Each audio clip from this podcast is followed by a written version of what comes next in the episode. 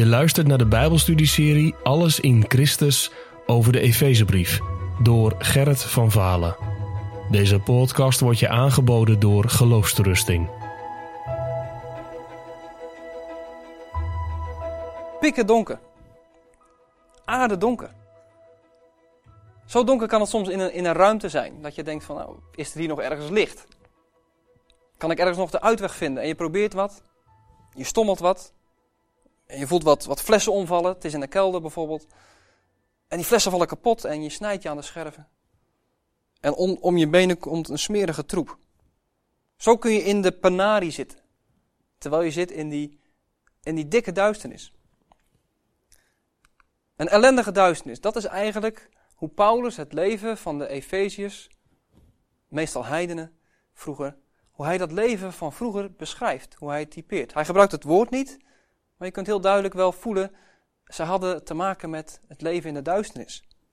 Want eigenlijk waren zij geestelijk dood. Er was in hun geen leven. Ja, ze dachten wel bij leven en we hebben een leuk leven, we hebben een plezierig leven. Het leven lacht ons toe.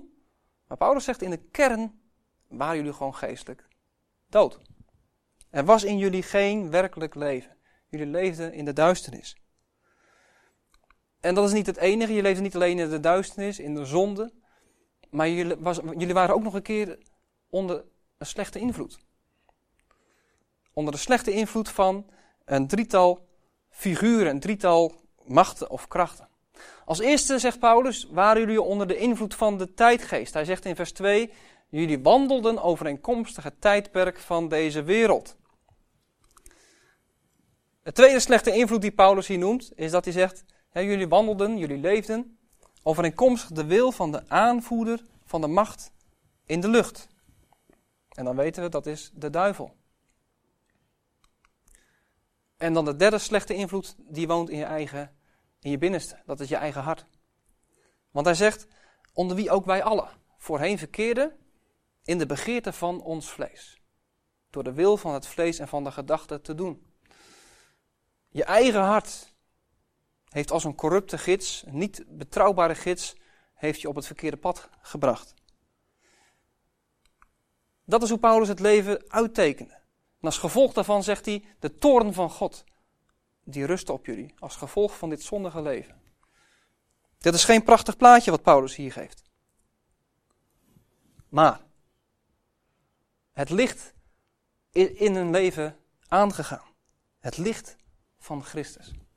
Want, zegt Paulus, maar God, die rijk is in barmhartigheid, heeft ons door zijn grote liefde, waarmee hij ons lief gehad heeft, ook toen wij dood waren door de overtredingen, met Christus levend gemaakt. Van dood levend gemaakt.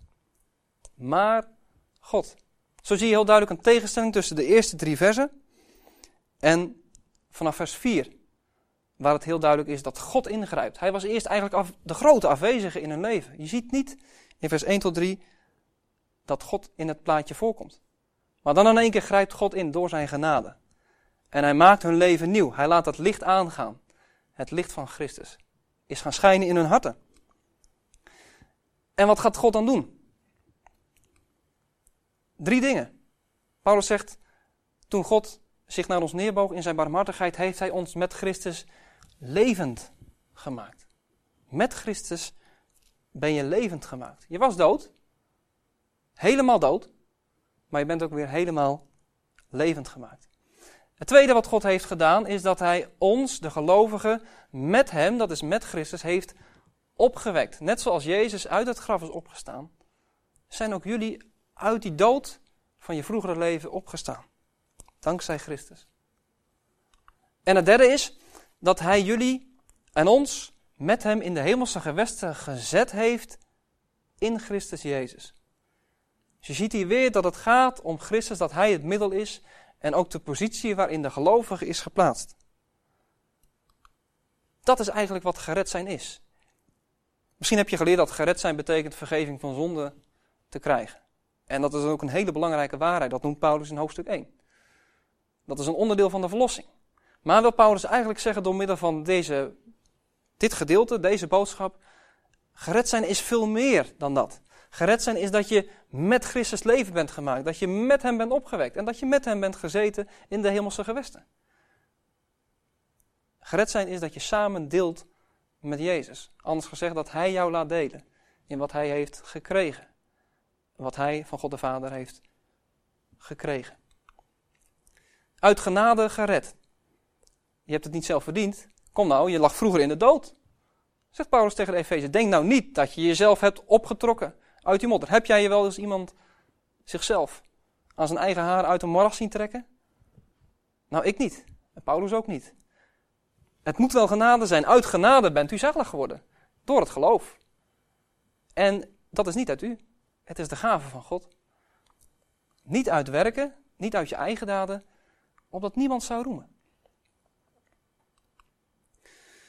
Je zou zeggen, is het daarmee afgelopen? Nee, Paulus heeft nog een kers op de taart, om het zo maar te zeggen. Een kers op de taart van Gods hel, van Gods redding. En dat is de kers van vers 10. Daar zegt hij, wij zijn zijn maaksel, geschapen in Christus Jezus, om goede werken te doen. Die God van tevoren bereid heeft, opdat wij daarin zouden wandelen. Een slechte christen, als die bestaat, zou kunnen denken naar vers 9, nou, God heeft mij gered, nou ga ik rustig met mijn armen over elkaar zitten en ik wacht wel tot hij me komt halen, tot ik sterf of tot hij wederkomt. Maar dat is niet de bedoeling, zegt Paulus. Kijk maar naar vers 10. Wij zijn zijn maaksel, hij heeft ons geschapen. God heeft ons ook herschapen, opnieuw geschapen, opnieuw levend gemaakt. In Christus Jezus, met welk doel? Om goede werken te doen. Misschien klinkt dat wat vies, goede werken doen. Dat is toch iets van een bepaalde, bepaald kerkgenootschap of een bepaalde leer. Nee, het is bijbelse taal. Goede werken doen die God van tevoren bereid heeft, opdat wij daarin zouden wandelen. God is daarbij de grote werkvoorbereider. Hij heeft het voorbereid. Hij is al van eeuwigheid bezig met dat plan. En zijn plan is dat wij zouden wandelen in de werken die hij heeft voorbereid. Ontspannen wandelen. Omdat hij het doet. En zo zien we dus in dit prachtige gedeelte, dit, deze tien versen, zien we eigenlijk drie delen terugkomen. Als eerste zien we de duisternis. Als tweede zien we dat het licht is opgegaan, het licht van de genade, het licht van Jezus. En als derde zien we dat de gelovigen mogen wandelen in het licht. Ook jij, als je gelovig bent, mag wandelen in het licht. Je zou ook kunnen zeggen, deze drie delen, deze drie stukken, ellende, verlossing en dankbaarheid. Klinkt ergens heel bekend. En zo mogen we weten dat we met Jezus mogen wandelen in het licht. En dat Hij het in ons uitwerkt. En dan kun je dit lied zingen. Ik wandel in het licht met Jezus.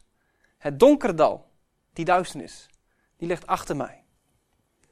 En ik wandel in het licht met Jezus en ik mag weten, mijn ziel is Hem gans helemaal toegewijd. Met Hem verrezen tot nieuw leven. Volg mijn heiland. Tot een eeuwigheid. En ik wens jou daarbij een goede wandeling toe.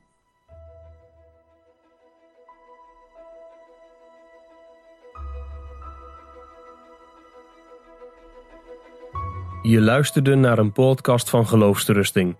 Wil je meer luisteren, lezen of bekijken? Steun dan onze missie en ga naar de website geloofsterusting.nl.